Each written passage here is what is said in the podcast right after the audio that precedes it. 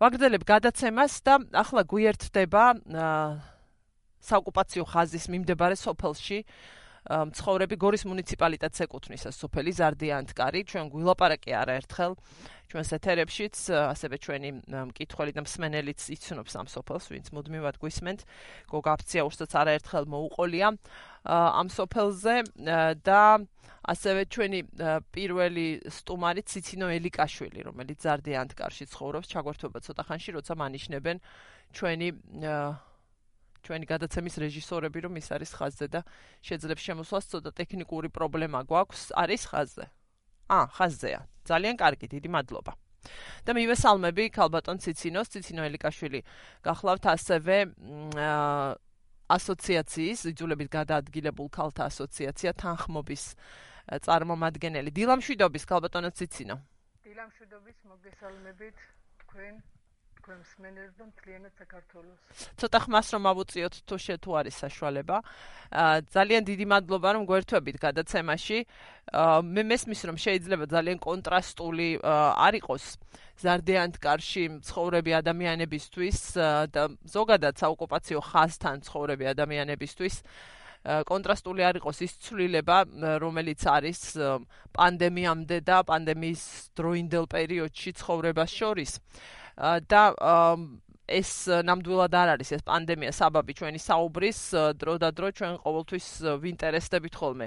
მდგომარეობით შეიძლება ეს ბევრსაც არაფერს ცulis მაგრამ მნიშვნელოვანია რომ ჩვენმა აუდიტორიამ იცოდეს თუ რა ვითარება როგორ ცხოვრობენ ადამიანები საოკუპაციო ხაზის მიმდებარე სოფლებში. და თქვენზე მინდა მოგვიყვეთ ჩვენი ძველი და მუდმივი აუდიტორია თქვენ გიცნობთ ბუნებრივია რადიო თავისუფლების ეთერიდან მათ შორის და ჩვენი ასე ვთქვათ პუბლიკაციებიდან თქვენ ისევე როგორც ბევრ ბევრი სოფლიდან მოსახლეობამ რომელიც ახლა საოკუპაციო ხაზის მიმდებარე დითულება 2008 წელს დატოვეთ სოფელი, თუმცა გაცილებით ხანგრძლივი აღმოჩნდა დაბრუნებამდელი პერიოდი. ვიდრე დანარჩენ სხვა სოფლებში, სადაც საკმაოდ მალე მოახერხა მოსახლეობამ დაბრუნება. თუ შეიძლება რომ მოყვეთ აი ამ ამბავს და შემდეგ უკვე დღევანდელ მდგომარეობაზე ბრძანოთ. 2008 წლის ომის შემდეგ სოფლის მოსახლეობამ ვერ შეძლო თავის საკუთარ სახლებში დაბრუნება. ვინაიდან ჩვენი სამართალდამცავები ვერ აკონტროლებდნენ ჩვენ ტერიტორიას. გაურკვეველი იყო აქ ვინ დადიოდა, ვინ აკონტროლებდა ჩვენი შემოსვლა და ჩვენი ცხოვრება აქ სიცოცხლის საფრთხეს სიცოცხლის საფრთხე მოკრებოდა.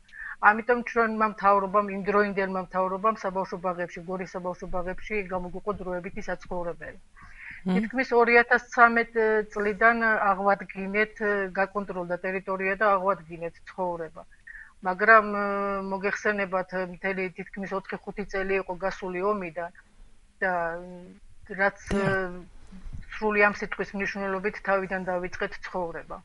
სახლები თლიანად გაძარცული, ზოგის არ თლიანად დამტვარი, ზოგის ნაწილობრივ. ელემენტარული მოხმარების საგნებიც კი აღარ დარჩა და მოგეხსენებათ სოფლის მოსახლეობა ძირითადად სოფლის მეურნეობით ცხოვრობს. ზოგს ხვილფეხასაკონელი ყავდა. არ იყო ოჯახი ხვილფეხასაკონელი არ ყოლოდა და წვრილფეხა ფრინველი. მოგეხსენებათ ომის დროს ძირითადად მხოლოდ იმას ვფიქრობდით ჩვენ გადავრჩენილი ყავით. რა დრო იყო? რა თქმა უნდა. და რომ დავბრუნდით ის საკონელი სადღა დაგვხდებოდა. კალბატონო ციცინო, ერთი ტექნიკური დიდი ბოდიშს გიხდით რომ გაწყვეტინებთ, ერთი ტექნიკური თხოვნა აქვთ რეჟისორებს, იქნებ აჯობებდეს რომ საყურისები მოიხსნათო. კი ბატონო. აბა სცადეთ. კი ბატონო. და გამოაერთეთ კომპიუტერიდან. გესმით ჩემი ხმა? ამესმის კარგი. აი, უკეთესად ისმის ბევრად თქვენი ხმაც. კი, კარგი. კეთილი, გავაგრძელოთ, დიახ, გისმენთ. გავაგრძელოთ. სოფლის მეურნეობა ძირითადად ეს ვაშლის ბაღები განადგურებული მოულელობით. ახლიდან მოგვიწია ცხოვრების დაწყება цаრიელა ხელებით, რასაც ქვია. დიახ. ერთადერთი წითელი ჯვარი შემოვიდა, წითელმა ჯვარმა გაუწია მოსახლეობას დახმარება და იყიდეს მინი პატარა ხელის ტრაქტორები. ისინი შეიძინეს. ამის გარდა, აი ამდენი წლის განმავლობაში 2012-13 წლებში ხდება ეს დაბრუნება, ხო? მოსახლეობის უკვე რამდენი წელი გავიდა. აა თუ შეგიძლიათ თქვათ რა როგორ იგრძენით სახელმწიფოს არსებობა მან, ასე ვთქვათ. რა გაკეთდა ვთქვათ მთავრობის მიერ? კონკრეტულად სოფელ ზარდიანთკარში მე თქვენ არ გთხოვთ ახლა ყველაფრის მიმოხილვას. კონკრეტულად სოფელში გაზის ყველა ყველა ოჯახში გაზი ბუნებრივი გაზი შემოიყვანეს. არის წყალი ახლიდან გასაკეთებელი იყო ყველა ოჯახს ოჯახ წყალი აქვს სმელიც და სარწყავიც. აგრეთვე განათებაც აღდგა გაპარტახებული იყო მთლიანად განადგურებული იყო სოფელში ყველანაირი ეს კომუნალურები. რაც შეიძლება აი ასევე განადგურებული იყო მატერიალური ეს თქო უძრავი ქონებაც ხომ? და ეს ხო არ აქვს მნიშვნელობა ფაქტობრივად ვინ გააკეთა იმიტომ რომ როცა ამდენი წელი სოფელი цаრიელია მით უმეტეს იქ არ არის არანაირი კონტროლი გასაგებია ხო ასეთ დროს ადამიანების ნაწილი რასაც აკეთებს დიდი ენთუზიაზმით ძარცვას გულისხმობ. უბრალოდ იმის კითხვა მინდა, აი ამ ყველაფრის რეაბილიტაციაში თუ იყო რაიმე ტიპის დახმარება? რეაბილიტაცია მანდამდე მივდიოდი ზუსტად დღემდე ვთხოვლობთ სახლების რეაბილიტაციას. ყველაზე დიდი გაჭირვება ამ სოფლის მოსახლეობისთვის არის სახლების რეაბილიტაცია. 33 ოჯახია აქ საუბარი, რომელთა სახლების სახურავები არის დაზიანებული, მაგრამ მე ჩემი სახლი ნახევრად დამწვარია. ზოგისა მთლიანად დამწვარია და აი ამ დამწვარში და მთლიანად დამწვარ სახლებში გვიწევს ცხოვრება. ამ დამწვარსა და ნახევარდამწვარ სახლებზე მაქვს სულ რაღაც ხუთ ოჯახზე საუბარი. და განსაკ სხვა ოჯახები, სხვა სახლები არის სახურავები და დაზიანებული. და თითქმის ყველა ცხოვრებს უნდა სახლების რეაბილიტაცია. თუ იყო რაიმე კომუნიკაცია საუბარი რაღაც ჩამოდიან ხოლმე მათ შორის ზარდიანთკარშიც ხომ წარმომადგენლები კომისია შემოვიდა აპირებდნენ რეაბილიტაციას მაგრამ რა ვიცი პრობლემას პრობლემა ემატება და ამ კოვიდ ინფექციის გამო იმდენად და კნინდა მე ასე მგონია ჩემი გადასახედიდან ქვეყანა ეკონომიურად რომ იმედი აღარ მაქვს ამისა. რომ ვიღაცა აა მესმის რაც შეეხება ესე იგი თვითონ სოფლის ყოველდღიურობას ეს მოსახლეობა ძირითადად თქვათ თუ შეიძლება ასე ვთქვათ რასაკის არის ვინც მუდმივად არის სოფელში არიან თუ არა ბავშვები ახალგაზრდები სოფელში და არის თუ არა ბაღი სკოლა მაღაზია აფთიაქი ყველაფერი ის რაც არის სასიცოცხლოდ მნიშვნელოვანი ყველასთვის ვინც ცხოვრობთ ამ ქვეყანაში. 2008 წლის ომის შემდგომ დაუბრუნდით მხოლოდ საპენსიო ასაკისა და პენსიონერი ადამიანები. ახალგაზრდა ოჯახი და ახალგაზრდები აღარ დაბრუნებულან. ვინაიდან აქ ცხოვრების პერსპექტივა ნაკლები იყო განვითარება. სკოლა არც სკოლა ომამდეც არ იყო არც სკოლა არც საბავშვო ბაღი არც მაღაზია. მეზობელი სოფლის სკოლით, სოფელ მერეთის სკოლით სტარგებლობს ჩვენი მოსახლეობა. დიახ. მაღაზიაც იქ არის, ამბულატორიაც და ძირითადად სოფელ მერეთთან კავშირი აქვს ამ მოსახლეობას და იქით სტარგებლობენ. ჩვენი აუდიტორისთვის ნათელი რომ იყოს, რა მანძილზეა ლაპარაკი? კილომეტრი. 1 კილომეტრზე. აჰა. ხანდაზმულებისთვის ძალიან ჭირს მაღაზიით სარგებლობა და ძალიან ვეხმარები, რასაც ხვიან ეს პური იქნება პროდუქტი, ვინც მარტო ხელად დარჩენილები არიან, ორ დღეში ერთხელ მაინც შევთავაზებ, რომ რა გინდათ, რომ მიულტანო ადგილზე. ქალბატონ ციცინო, აი შეზღუდვების პერიოდმა რა მოიტანა? რა რა რამე შეიცვალა თქვენს ცხოვრებაში სოფლის? ტრანსპორტი დადიოდა დღეში ორჯერ. აჰა.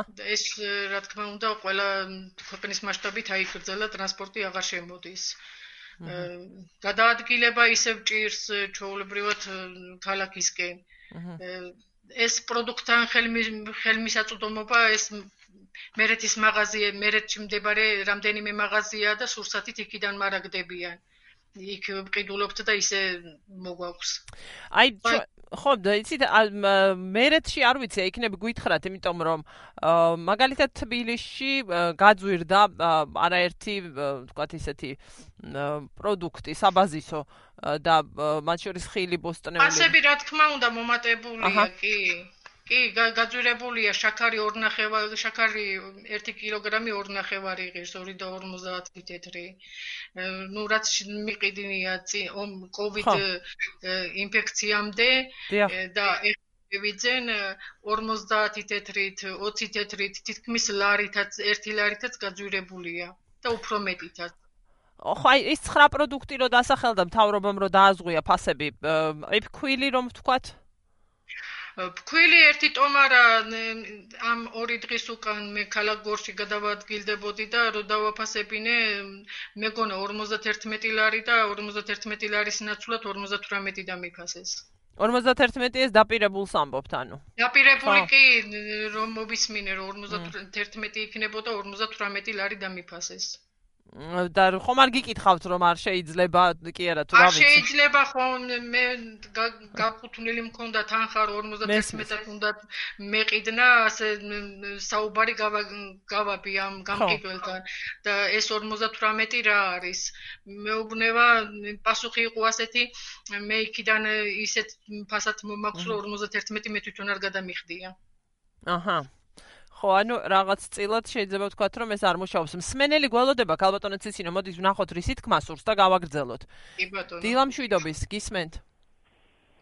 მოგესალმებით ქალბატონო, მოგესალმებით ქალბატონო ციცინოს, უსურვებ ყველა აა სესულ მდგომარეობაში მყოფ ხალხს, რომელიც საზღვრისპირა რაიონებში ცხოვრობს, გამაგრებას, ჩამთელობას და რა თქმა უნდა, უფრო უკეთეს პირობებს და უფრო მეტ თანადგომას თანადგომას მთავრობისაგან რაც სამწუხარო ძალიან ნაკლებია როგორც აღნიშნე კალბატონმა სიცინო ასევე რა და კითხვა სანამ დაუსვა ვიტყოდი კიდეც ახლა გამოჩნდა რომ აგერ ვითომ თან ცინიკურად ამბობს ბატონი კოსაჩევი, რომელიც ხალბატონ ნინო ბურჯანაძე შეხვდა და არ ამგონია კოსაჩოვის, ბაბურინის, ზატულინის ნაი ხალხსა იქ რიბოსლის კარო იყო ადრე და ნუ ახლა პუტინზე აღარ ვამოფირდაპირ.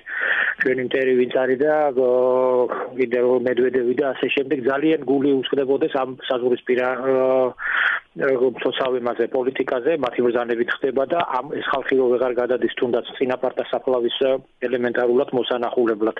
ამაზე იმაზე აღარ ვამოფროს ხალხს უწყვეტენ და რა უკანონოებს აღარ ჩადიან.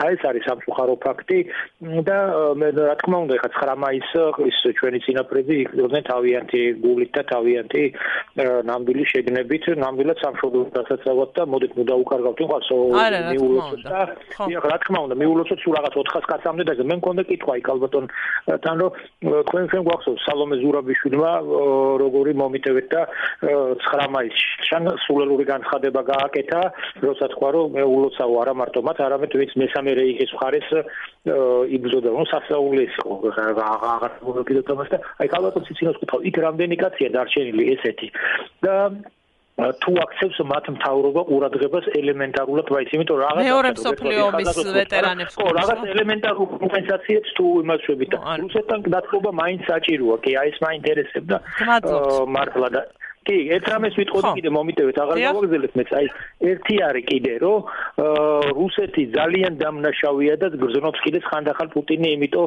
ასე თქვათ, ქართველების ქებაშია ხოლმე. ძალიან კარგად იცის, რომ ჩვენთან ძალიან დიდი დამნაშავია, მაგრამ არის მეორე სიბართლე, რომ სოფლიოში ყველასთან მართალია რუსეთი. თუნდაც უკრაინასთან მიმართებაში ყირიმი მანცალხია დამსახურებულად დაიბრუნა. აი ესეთი აზრია ჩემი და მე მგონი უნდა დათმოს ურთიერთობა თუ სხვანაირად არ გამოვა და იგივე ოს ხალხს უნდა დათმოს ურთიერთობა. მაგაზეც თუ გეტყვის ალბათო ინტიცინო დიდი მადლობელი ვიქნები. დიდი მადლობა დიდი მადლობა. მადლობა ზარისთვის. ხო არ შევალე თემებში ბუნებრივია სხვაგან წაგვიყვანს თქვენი მოსაზრება. მოგეცით ნამდვილად საშუალება რომ გაგეზიარებინათ რაში მართალია და რას გრძნობს პუტინი და ასე შემდეგ ხო და მე ასევე ქალბატონი ციცინო თქვენი ნებართვით მსმენელს ასევე ვეტყვი რომელიც ხაზზე აღარ არის მაგრამ გვისმენს ბუნებრივია. ნამდვილად არ მოვთხოვ ჩვენს ახლანდელ სტუმარს რაღაც პოლიტიკურ შეფასებებს და განცხადებებს. რისი თქმა გსურთ ბრძანეთ ქალბატონო ციცინო რა და დავამატებ ერთ კითხვასაც ოკუპაცია ოკუპაცია თქვენ ამ სწორედ ამის პირისპირ ცხოვრობთ და რამდენად დაეტყო სოფელ ზარდიანთკარის საზღვრებს ნაკვეთების საზღვრებს უკვე ომის შემდგომი პროცესები და ომის შემდეგ რა ესე ვთქვათ იყო? კი. რა მოისაზღვრა თუ შეიძლება ჩვენ სტუმარ ჩვენ სტუმარს გავცემ იმ პასუხს თან ჩვენთან მეორე მსოფლიო ომში მონაწილე აღარ ცხოვრობს საერთოდ აღარავინ აღარ არის არ დარჩა. დიახ ამიტომ ვერ მოვახსენებ და ვერ ვეთყვი მაგას არ ვიცი რა ხდება მთავრობასა და მათ შორის. კი ბატონო. რა შეიძლება ომამდე და ომის შემდეგ. ომამდე ომის შემდგომ საოკუპაციო ხაზმა გაიარა ჩვენი სოფლის ტერიტორიაზე და თითქმის 5 ჰექტარი აკონტროლებს დღეს რუსი სამართალდამცავები და რუსი სამხედროები, დიახ. სამხედროები. ჩვენი მოსახლეობის გარკვეული 4-5 ოჯახიც იქითკენ მოხვა. ეს ოსიეროვნების. სოფელში თუ დარჩნენ ოსიეროვნების მოქალაქე? კი, და მანდ მივდივარ ოსიეროვნების მოსახლეობა 4-5 ოჯახი აქეთ ჩვენ საქართველოს კონტროლირება ტერიტორიაზე ცხოვრობს. ძალიან კარგი ურთიერთობა გვაქვს ერთი მეორე. დიახ. ჩვენ არ გვგზნია ის რომ შენ ქართველი ხარ, შენ ოსი ხარ. ერთი მეორეს ჭირით და ერთი მეორეს ლხინით ვცხოვრობთ. და არც ისინი არიან დიდათ მოხარულები ამ სიტუაციით, როგორც ვატყობ ურთიერთობაში. ამიტომ ჩვენ შორის არავინ არ უნდა ჩამდგარიყო და არ უნდა მომხდარიყო ეს დიდი შეცდომა, რაც ჩაულებრივ ხალხ შორის მოხდა. და ეს გახლეჩვა, ხელოვნური გახლეჩვა მე ასე მგონია ჩვენი ურთიერთობისა. რა თქმა უნდა. და ერთი კითხვა მაქვს, მსმენელი ხო არ გვალოდება. 2988-327-ია ჩვენი ტელეფონის ნომერი, დილამშვიდობის გისმენთ. დილამშვიდობის ქალბატონო, მივესალმები თქვენს სტუმარს. მე არ მიკვირს ქალბატონი თითინო ნამდვილად გმირია, იმიტომ რომ აგერ ახსენა მან რომ ადრე ორ დღეში ერთხელ დადიოდა ტრანსპორტიო. და ახლა კიდე როგორც ყველგან აიგრძალაო ახაც აკრძაულიაო და კიდე რა გასაკვირია აგერ მაგალითად თბილისში გამოაცხადეს რომ 11-დან იხსნება თბილისი იხსნება აგრეთვე მაღაზიები მაგრამ ტრანსპორტზე საერთოდ არაფერი არ უთქვიათ. ავტობუსები მაინც გაუშვან, რომ ავტობუსებმა 9 საათამდე იმოძრავონ და კომენდანტის საათი უკვე თუ გინდათ 8 საათამდე იმუშაოს, ოღონდ კომენდანტის საათს არ გადააცილოთ. ნუ მეტროზე აღარა მაქვს ლაპარაკი. მაგრამ აი ხო ხედავთ არც კი უხსენებიათ ტრანსპორტის ავტობუსების მოძრაობის გახსნა და რაც შეეხება პროდუქტებს. პროდუქტები ის 9 პროდუქტი რომელიც იყო ჩამონათვალი გახარიას მიერ თბილისში უკვე გაძვირებულია. კი კი ფაქტია წარმოიდგინეთ ახლა აქედან რო წაიღებს იმ სოფელში ან თუნდაც გორში. იქ თავისთავად ცხადია რომ უკვე მოემატება იმიტომ რომ იქ ჩატანა კიდე დიდ რისკს წარმოადგენს. შეიძლება გზაში დააყაჩაღო და თვალ კიდევაც და ამიტომ ხომ გეუბნებით რა აი ეს არის ყველანაირი შეცდომა და მისი არასწორი პოლიტიკა. ტრანსპორტი თბილისში არ უშვებს ტრანსპორტს იქ ძალიან დიდი პრობლემაა ბევრი იქ რა გაიქნება დიდი მადლობა. დიდი მადლობა 2988 327-ია ჩვენი ტელეფონის ნომერი. აა ქალბატონ ციცინო თუ ხო თუ გსურთ გამოეხმაურეთ მსმენელს და შემდეგ გავაგზავნებ ჩემი შეკითხვით. იცით რა არის მე უბრალოდ იმდენი პრობლემაა და ისეთი გაჭირვება აქ საოკუპაციო ხასთან ცხოვრებ მოსახლეობისა რომ ცოტა არ კი ეს ბატონი თავის პრობლემას გამოთქვამს მაგრამ ენით აუწერელი პრობლემაა ხო და აი მინდა ამაზე მესმის ხო ეხა რაღაცნაირად ხო სხვანაირად უყურებ ხოლმე ესეთ უმნიშვნელოდ მიმაჩნია ეს ეს პრობლემა ჩვენ პრობლემა მაგალითად საზოგადოებრივი ტრანსპორტი. ხო იცით ბევრისთვის აქაც ხო მესმის ძალიან კარგად მესმის. როგორც აქედან არ ჩანს ისე ადეკვატურად თქვენი ყოფა და სწორედ ამიტომ მინდა რომ მოყვეთ ამ ყველაფერზე. და ეს ბუნებრივია არაფერი ხო არავის გამსჭით ამისთვის. ქალბატონ ციცინო თქვენ ახსენეთ აი რომ მქონდა 51 ლარი განსაზღვრულიო ფქვილისთვის და რომ გაძურებული დამხვდა ვერ ვიყიდეო. მთელი 7 ლარით. რა არის თქვენი ზარდიანთ კარელების მოსახლეობის შემოსავლის წყარო? ჩვენი ძირითადი შემოსავლის წყარო და თავიდან დავიწყე იყო ჩვენ ხო დასაქმებულები არა ვართ. სოფლის მოსახლეობა ძირითადად თავის კარმიდამოზე თავის ნაკვეთში ხილსულის და ამის რეალიზაციას ახდენს ბაზარზე. აგრეთვე მსხვილფეხა და წვრილფეხა ფრინველი ყავს. ყავდა ომამდე. ომის შემდეგ რო დაუბრუნდით, ეს ბაღის მოსავალი ხეხილი გახმა მოუვლელობით. რა თქმა უნდა. ახლა მოგვიწია ამ ბაღების მოვლენა. ჩვენი ძალები, ჩვენი ძალები სრულია და ვიძახი ამას. ყველაფერს ვაკეთებთ ჩვენი ძალებით. არავით არის ამ პროცესში დახმარება. ბაზარზე გასატანად უკვე იმდენი ვეღარ მოყვავს. ვინაიდან თავიდანვე რომ შევეჭიდეთ ამ მოსავლის მოყვანას, ავიღეთ ბანკის სესხი. ეს ბანკ ბანკის სესხი ვიყავით იმ ის რომ მოვიყვანდი მოსავალს და გავიტანდი ბაზარზე, მაგრამ გასული წლის მაისის ბოლოს მოვიდა სეტყვა. ამ სეტყვამ სუნთლად გაანადგურა მოსახლეობის მოსავალი. ეს ბანკის სესხი ცალკე დაედო ვალად. ახლიდან აიღეს წელს ბანკის სესხი და გადაფარეს წინა წლის, მაგრამ ის ხო გაორმაგდა ის ბანკის სესხი. წელს კიდევ იმას ელოდება მოსავალი აიღოს, რომ ის გასული წლისაც და წლევანდელი წლისაც ფაროს. და ამდენი წელი როგორ უნდა ასე ჭიდილში ვატარებთ. ელემენტარული აი ის უნდა ყოფილიყო დახმარება ჩვენ რომ შემოვედით რომ თანხა ჩვენ ბანკიდან კი არ უნდა აგვიღო მთავრობას უნდა მოეწო ხელი უნდა შეეწყო ჩვენთვის რომ მოსავლისთვის მიგვეხედა მსხვილფეხა საქონელი შეგვეძინა და ახალი პერსპექტივა ახალი ცხოვრება დაგვეწყო ეს ბანკის ვალები არ დაგვდებოდა ასე საშვილიშვილოდ კისერზე. ხომ არიცით ადგილობრივი ხელისუფლებისგან ალბათ მათთან უფრო გაქვთ კომუნიკაცია, ხომ? ხომ არიცით რაიმე უკვე გამოცხადებული ან მოსალოდნელი რაიმე შეღავათის შესახებ რომელიც შეეხება თქვენს სოფელსაც. გავეცანი ყველა შემოთავაზებას ეს შეღავათები COVID-19-ის შემდეგ, მაგრამ ჩვენთან მე მგონი ჩვენზე არაფერი არ არის. რადგან პლუს დასაქმებულებად ითვლებით? ვითომ დასაქმებულად ვითვლებით, მაგრამ მე ჩემი გადასახედიდან როგორც მე ვუყურებ ჩემს ცხოვრებას დასაქმებული არა ვარ. დასაქმებული მე როგორც შევაფასებ იმას ქვიან მე რომ ჩემი პროდუქცია გავიტანო ბაზარზე ფულის კუპიური ავიღო და შემოვიტანო სახლში და ეს ვატრიალო. ხო და სხვა რამ იყიდეთ კიდევ რაც გჭირდება. ბაზარზე გასატანი პროდუქციას ვერ ქმნით ვერ შეტყვან გაგვინადგურა ის კი არა წლიდან წლამდე ერთი წლის სანოვაგეც კი აღარ დატოვა.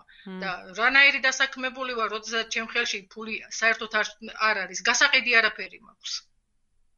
ვინმე თუ მოსულა თქვენთან და აუხსნია სოფლის მეურნეობის დაზღვევაზე ან რაიმე ესეთ შეღავათიან პროგრამაზე.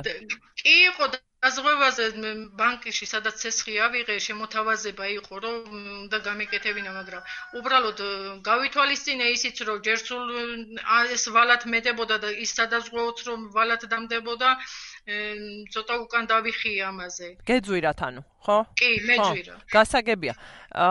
ქალბატონ ციცინო მოდით აი ხა რომ დავასრულოთ საუბარი იმით მსმენელია კიდევ კარგი მოусმინოთ და შემდეგ მე დავსვამ კითხვას დილამშვიდობის გისმენთ დილამშვიდობის. არ მესმის, ხმა. დილამშვიდობის. ა მესმის. მესმის. გამარჯობა. ალო, გამარჯობა, კალბატონინო.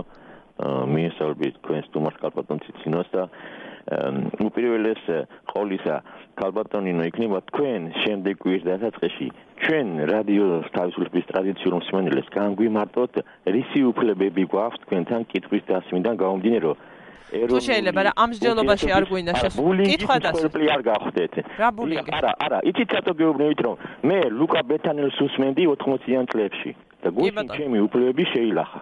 ეგნე რა გვიხსნათ და თვითონ უკაპიტენიც მოიყვანოთ. იმიტომ დამოუკიდებლობის დღესთან დაკავშირებით ვიცით ყდელი ამ კონის.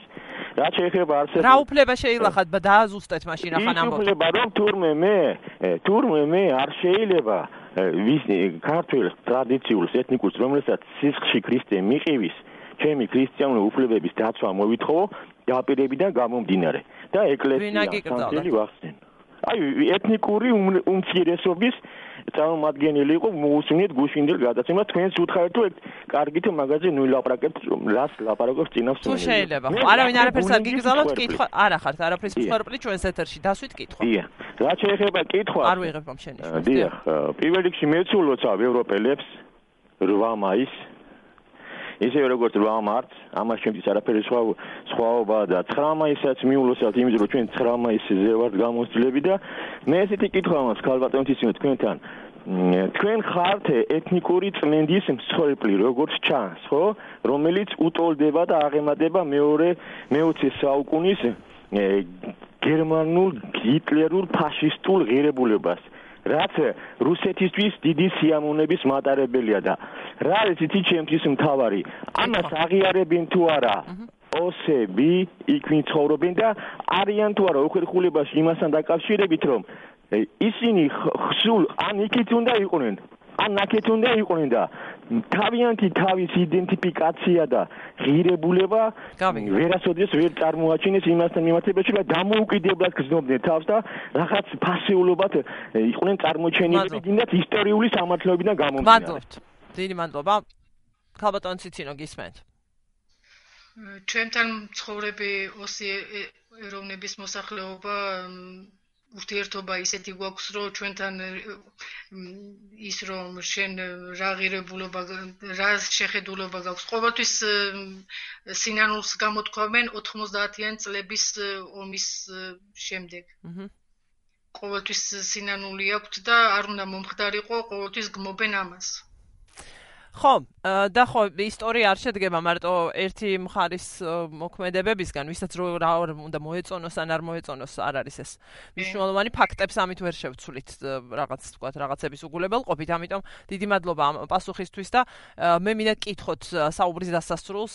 აა რა არის დღეს ის ისევ დავუბრუნდები რომ ეტყვიან კონკრეტულ საკითხებს. რა არის დღეს ის რაც თქვენი სოფლის მოსახლეობას მსგავსად ალბათ ბევრი საოკუპაციო ხაზის მიმდებარე სოფლისა ყველაზე მეტად გამოადგებოდა. რა ტიპის მხარდაჭერა და დახმარება იქნებოდა ეს? იცით მოგახსენებთ საოკუპაციო ხაზთან მცხოვრები მოსახლეობა? ჩემი სოფლის სახელით ვიტყვი ამას დიდ ყურადღებას იმსახურებს. ჩვენ ყოველდღიური ცხოვრება ენით ვერ გადმოვცემ ამას რა მხოლოდ და მხოლოდ ფსიქოლოგიური სტრესს გეთანხმებით. კი. ეს ეკონომი ამას ემატება ეს ეკონომიური კრიზისიც. ეკონომიურად რომ ხალხი გაღატაკდა უკან უკან წავიდა წინსვლა საერთოდ არ ეთყობა. ყოველდღე უკან უკან მიდის. იმიტომ რომ ეს მოსავალზეა დამოკიდებული ხალხი და ეს მოსავლის მოყვანა გაჭირდა ძალიან.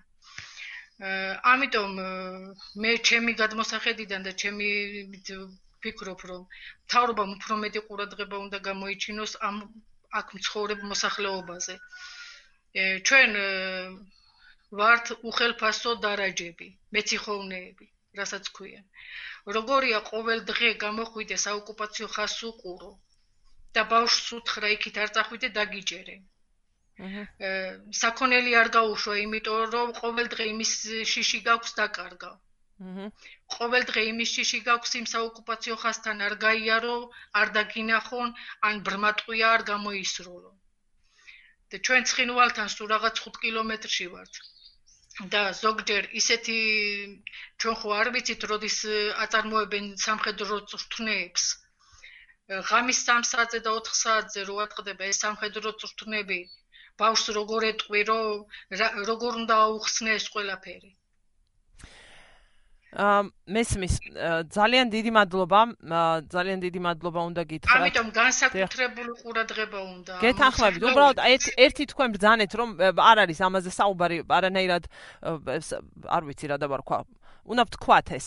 კონკრეტულად ის რომ თქვენ გჭირდებათ კონკრეტული დახმარება მაგალითად აი ბანკის მიმართ ვალდებულებების უზრუნველყოფაში. კიდევ რა აი ამიტომ მკითხეთ კიდევ ის რომ ეს სახლების რეაბილიტაცია სახლების რეაბილიტაციაც კი ბრძანეთ ამაზე და ყოველთვის ამას ვიძაღდი ქალბატონი იურიდიული დახმარებასაც ვითხოვდით რომ სოფლის მოსახლეობას ომისგან დაზარალებული სტატუსი მინიჭებოდა ძალიან დიდი განსაკუთრებული ზარალი, განსაკუთრებული ზიანი მიადგა სოფლის მოსახლეობას. სხვა სოფლის მოსახლეობა ომის მერე დაბრუნდა. ერთი თვის მერე იყო თუ ორი თვის მერე, მაგრამ შემდგომ მაგრამ ამ სოფლის მოსახლეობა 5 წლის მერე დაბრუნდა. და ამ სოფლის მოსახლეობას ნამდვილად ეკუთვნოდა ომისგან დაზარალებული სტატუსი. სხვა რაღაცა მართლაც. დაზარალებულობა. ძალიან დიდი მადლობა ციცინო ელიკაშულს, რომელიც ძალიან დიდი მადლობა ქალბატონ ციცინო დაგემშვიდობებით. დიდი მადლობა ზარდიანთ კარიდან გვერდთვებოდა ციცინო ელიკაშვილი, რომელიც გახლავთ ასევე ქალთა ასოციაციის, დევნილ ქალთა ასოციაციის თანხმობის წარმომადგენელი, აქტიური მოქალაქე შეიძლება ასე ვთქვათ და ყვებოდა იმ ყოველდღიურობაზე, რაშიც უწევს ცხოვრება საოკუპაციო ხაზის მიმდებარე სოფელში უწევთ ცხოვრება ადამიანებს. რა ვიცი, რაც აღწერა, ვერ ხვდები საერთოდ როგორ როგორ გააქვთ თავი და კიდევ არ ვიცი. დიდი მადლობა მასამ ჯანსაღი ძალიან საინტერესო საუბრისთვის.